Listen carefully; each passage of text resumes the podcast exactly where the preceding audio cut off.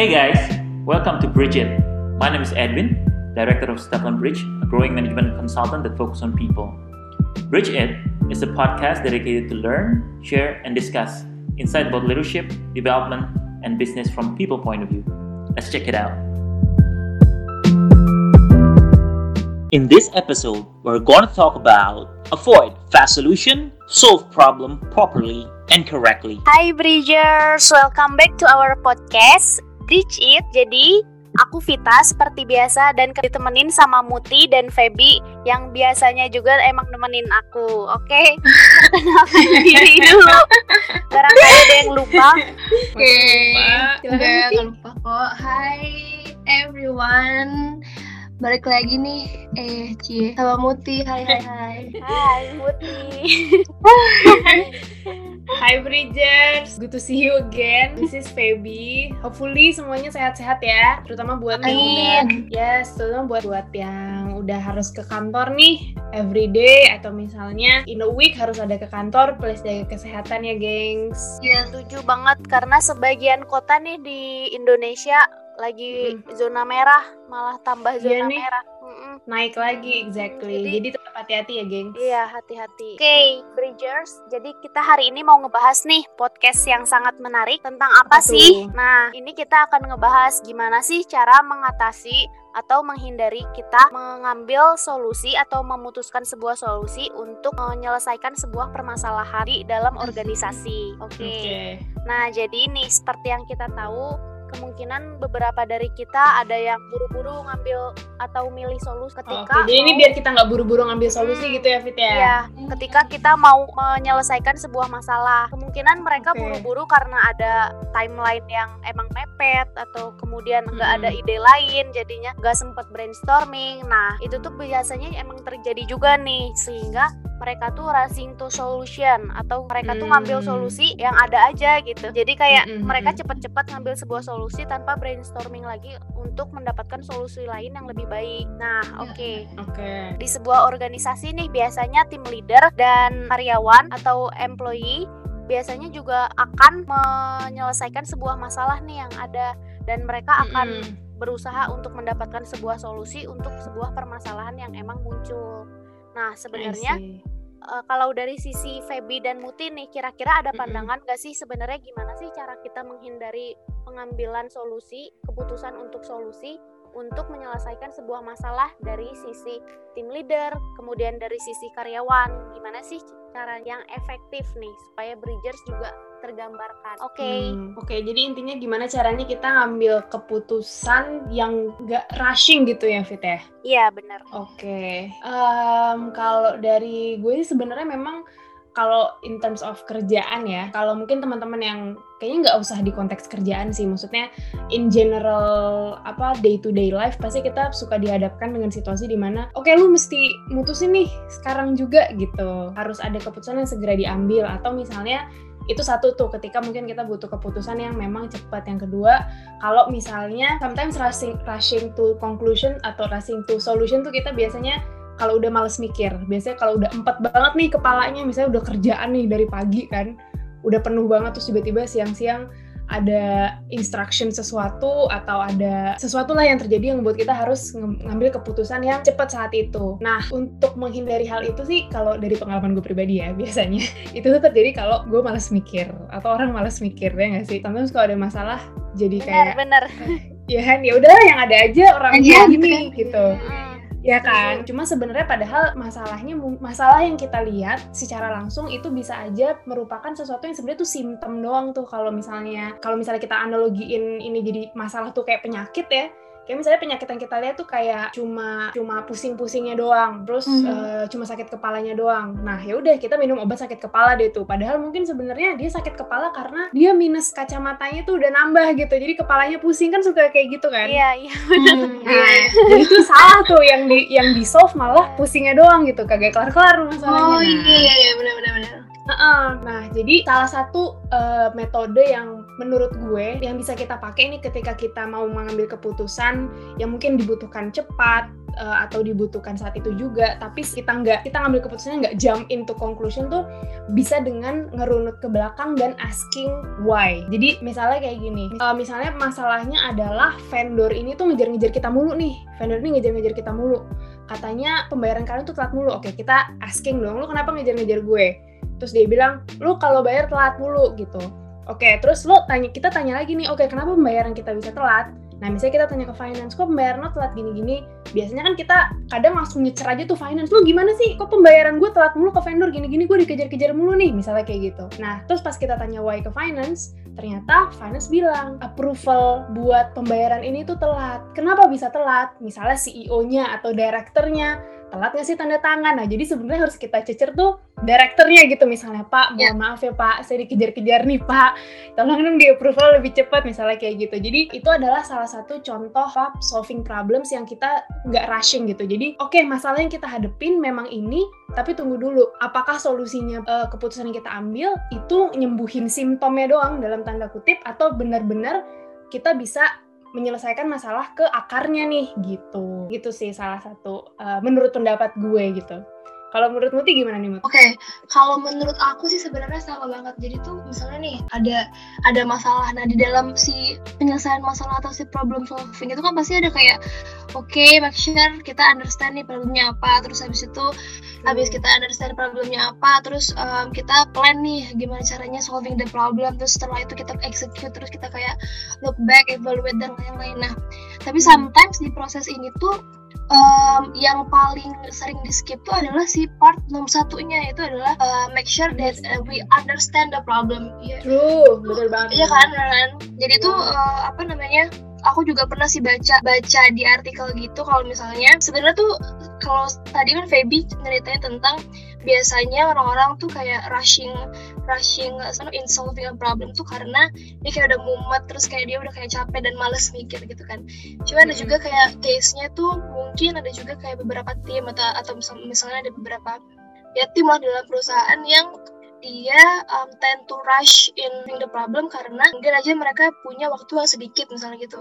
Atau hmm. misalnya mereka kayak udah mepet nih gimana nih harus di solve nih problemnya? Kita nggak punya banyak waktu untuk mikir gitu kan.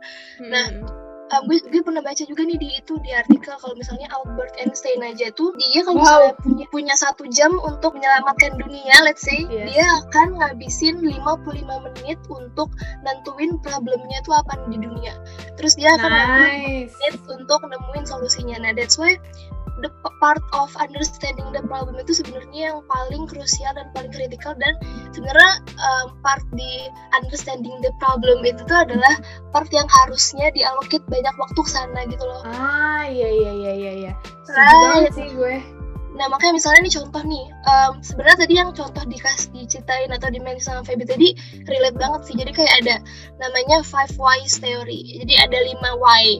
Five why ini tuh kayak ini tuh dipakai di root cause analysis di problem solving. Jadi kalau hmm. misalnya kayak ada problem nih, misalnya oke, okay, let's say contohnya tadi kan kalau Feby kan pembayaran macet nih. Contohnya misalnya suatu company misalnya di tahun 2020 ini misalnya nggak achieve let's say. Nah hmm. udah oke okay, misalnya nggak achieve company A nggak achieve terus um, si 5Y itu kayak nanyain kenapa kenapa kenapa. Jadi kayak misalnya kenapa bisa nggak achieve di tahun ini? Terus oh ternyata misalnya yang nggak achieve itu departemen sales let's say. Oke okay, kenapa hmm. bisa departemen salesnya nggak achieve? Oh ternyata ada um, satu atau misalnya beberapa karyawan yang nggak nggak achieve nih targetnya gitu misalnya. Oke okay, kenapa nih karyawan-karyawan ini? Misalnya nggak achieve targetnya sehingga dia uh, nyebabin si sales ini tuh nggak achieve. Oh ternyata karyawan-karyawan ini nggak punya kapabilitas sales misalnya gitu. Oke okay, berarti yang harus dibenerin adalah si capability yang di yang dipunyain sama si karyawan-karyawan ini gitu loh. That's why apa namanya si five why ini si lima kenapa ini jadi kita kita cari root cause-nya itu dari menanyakan sebab dan akibatnya sampai ke dalam-dalam banget dan itu yang harus dibenerin gitu. Hmm, nice Oke okay banget sih emang tapi berarti emang runut masalah ke belakang tuh bisa identifying juga ya Mut ya? Yes yes. I see. Yeah. Ya, tapi harus, uh, deep deep jadi kita harus kayak deep dive dulu ke bawah yeah. sebenarnya tuh yang yang menyebabkan uh, permasalahan utamanya itu tuh sebenarnya yang mana gitu Ya, Mm, mm, benar, mm. setuju. Oke, true. aku mau nambahin nih, mau piggybacking seperti biasa dari boleh Feby dong. dan Muti. Boleh. Jadi eh, selain understand the problem, mungkin ketika kita udah tahu nih problemnya apa, kita juga harus clarify nih problemnya seperti apa. Apakah misalkan kita clarify ke karyawan kita, emang bener ya ada permasalahan ini yang terjadi di lingkungan kantor, misalkan kayak gitu. Kemudian kalau misalkan setelah clarify emang benar terjadi nih problem itu, baru kita selanjutnya mengambil step selanjutnya dan kita juga ngambil langkah yang emang sesuai nih untuk menyelesaikan sebuah masalah itu. Tapi dengan catatan juga kita nggak bisa rushing to solution gitu. Mungkin kita bisa ajak tim member, kita bikin tim member untuk gimana sih cara membentuk solusi. Jadi kita kayak menggunakan creative thinking untuk mendapatkan solusi dalam menyelesaikan sebuah Hmm. masalah juga. Nah, eh, Betul. tadi setuju banget juga sama Feby dan Muti eh, untuk ask why, think backwards ya. Jadi kayak Mm-mm. Eh, kita deep dive dulu nih masalahnya apa sih yang terjadi, kemudian apa sih background dari permasalahan ini atau root cause-nya. Jadi supaya kita paham benar nih apa yang apa solusi yang emang dapat mengatasi masalah tersebut. Jadi kita nggak salah ambil langkah. Kemudian mungkin ke depannya dari sebuah solusi yang kita ajukan malah lebih produktif juga, malah lebih positif gitu. Iya iya iya iya. Mungkin Setuju. aku mau piggybacking lagi nih em, dari yang kata kita tadi.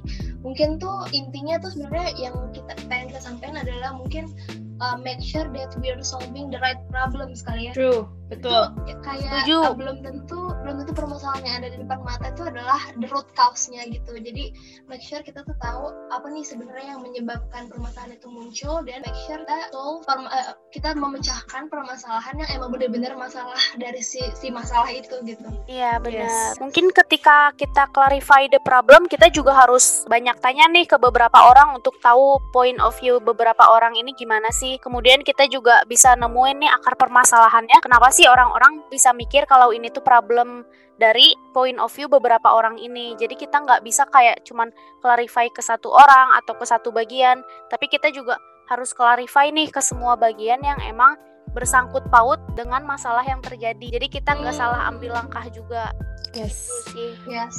True, true. Dan eh, apa namanya sebenarnya kan kalau kita mau menyelesaikan masalah itu sebenarnya banyak banget eh, apa ya hal yang bisa kita lihat untuk bantu kita taking decisions nih. Kita waktu itu sempat udah sempat ngobrol soal how we can how we can utilize data juga nggak sih Ya, benar. untuk eh, apa namanya take- untuk membantu kita taking decisions. Nah ternyata nih kalau menurut dari artikel ada artikel juga yang gue baca kalau sebenarnya data tuh memang membantu tapi itu hanya kesannya apa ya? Kayak ya udah two dimensional dia black and white aja gitu. Kita belum tahu sebenarnya kalau data menunjukkan ini eh, itu tuh masih ada meaningnya nih masih ada artinya gitu. Jadi ketika misalnya kita lihat data contoh nih kita bisa lihat data masuk oh kok misalnya produksi barang ini menurun ya? Misalnya kemampuan produksi satu mesin misalnya kayak gitu. Terus kenapa nih bisa kayak gini gitu? Kita cuma tahu oh ya udah dia berkurang aja nih kemampuan mesinnya gitu. Ternyata pas kita lihat mesinnya ternyata emang mesinnya butuh perbaikan dan lain-lain misalnya kayak gitu jadi apa ya meskipun data bisa membantu kita reconsidering keputusan kita juga harus ngelihat nih sebenarnya di lapangan tuh kayak apa sih terjadinya kenapa sih data menunjukkan angka segini tuh kenapa kayak gitu Ya. I think that could help juga in solving problems gitu Yes. Setuju banget nih. Oke, kira-kira nih setelah dengerin pendapat dari Feby dan Muti, aku mau nyimpulin aja nih untuk Bridgers supaya nggak bingung dengernya ya. Jadi Silahkan. dari berdasarkan opininya dari kita bertiga, jadi pertama kita harus why, terus kita understand the problem juga, kemudian kita clarify the problem supaya kita juga nggak salah ambil langkah, dan kemudian kita juga harus think backwards juga nih, atau kita deep dive tentang masalah itu. Misalkan seperti tadi kayak uh, clarify the problem ya, kayak tanya-tanya nih ke beberapa point of view supaya solusi yang kita ambil tuh emang tepat untuk menyelesaikan masalah tersebut. Kemudian kita juga bisa diskusi nih sama beberapa orang untuk tahu apa sih sebenarnya akar permasalahan yang terjadi di lingkungan ini misalkan gitu ya dan terus kita Yes. juga bisa think backwards nih kenapa sih masalah ini terjadi jadi kita emang beneran langsung solusi yang emang tepat untuk menyelesaikan masalah itu Yes, oke betul. Semoga nih harapannya Yes. untuk Bridgers podcast kali ini beneran ngebantu ya untuk gimana sih caranya ngambil solusi ketika problem solving supaya nggak salah langkah ke depannya. Oke. Yes, semoga membantu ya Bridget. Semoga membantu banget. Oke, Feby dan Muti, thank you banget nih hari ini udah nemenin aku podcast. Thank you juga for the opportunity. Oke, and thank you juga nih Bridgers yang udah dengerin podcast kita kali ini. Semoga bermanfaat dan barokah juga. Oke, Yes. Bye bye Bridgers. See you. Bye, Bridgers. Bye, See you next week. See you See you. week. Don't forget to listen to our podcast every Wednesday on Spotify, Apple Podcast, and Google Podcast. Visit our website at stevlinbridge.com. Follow us on Instagram at stevlinbridge. And for any inquiries, please email to contact at stevlinbridge.com.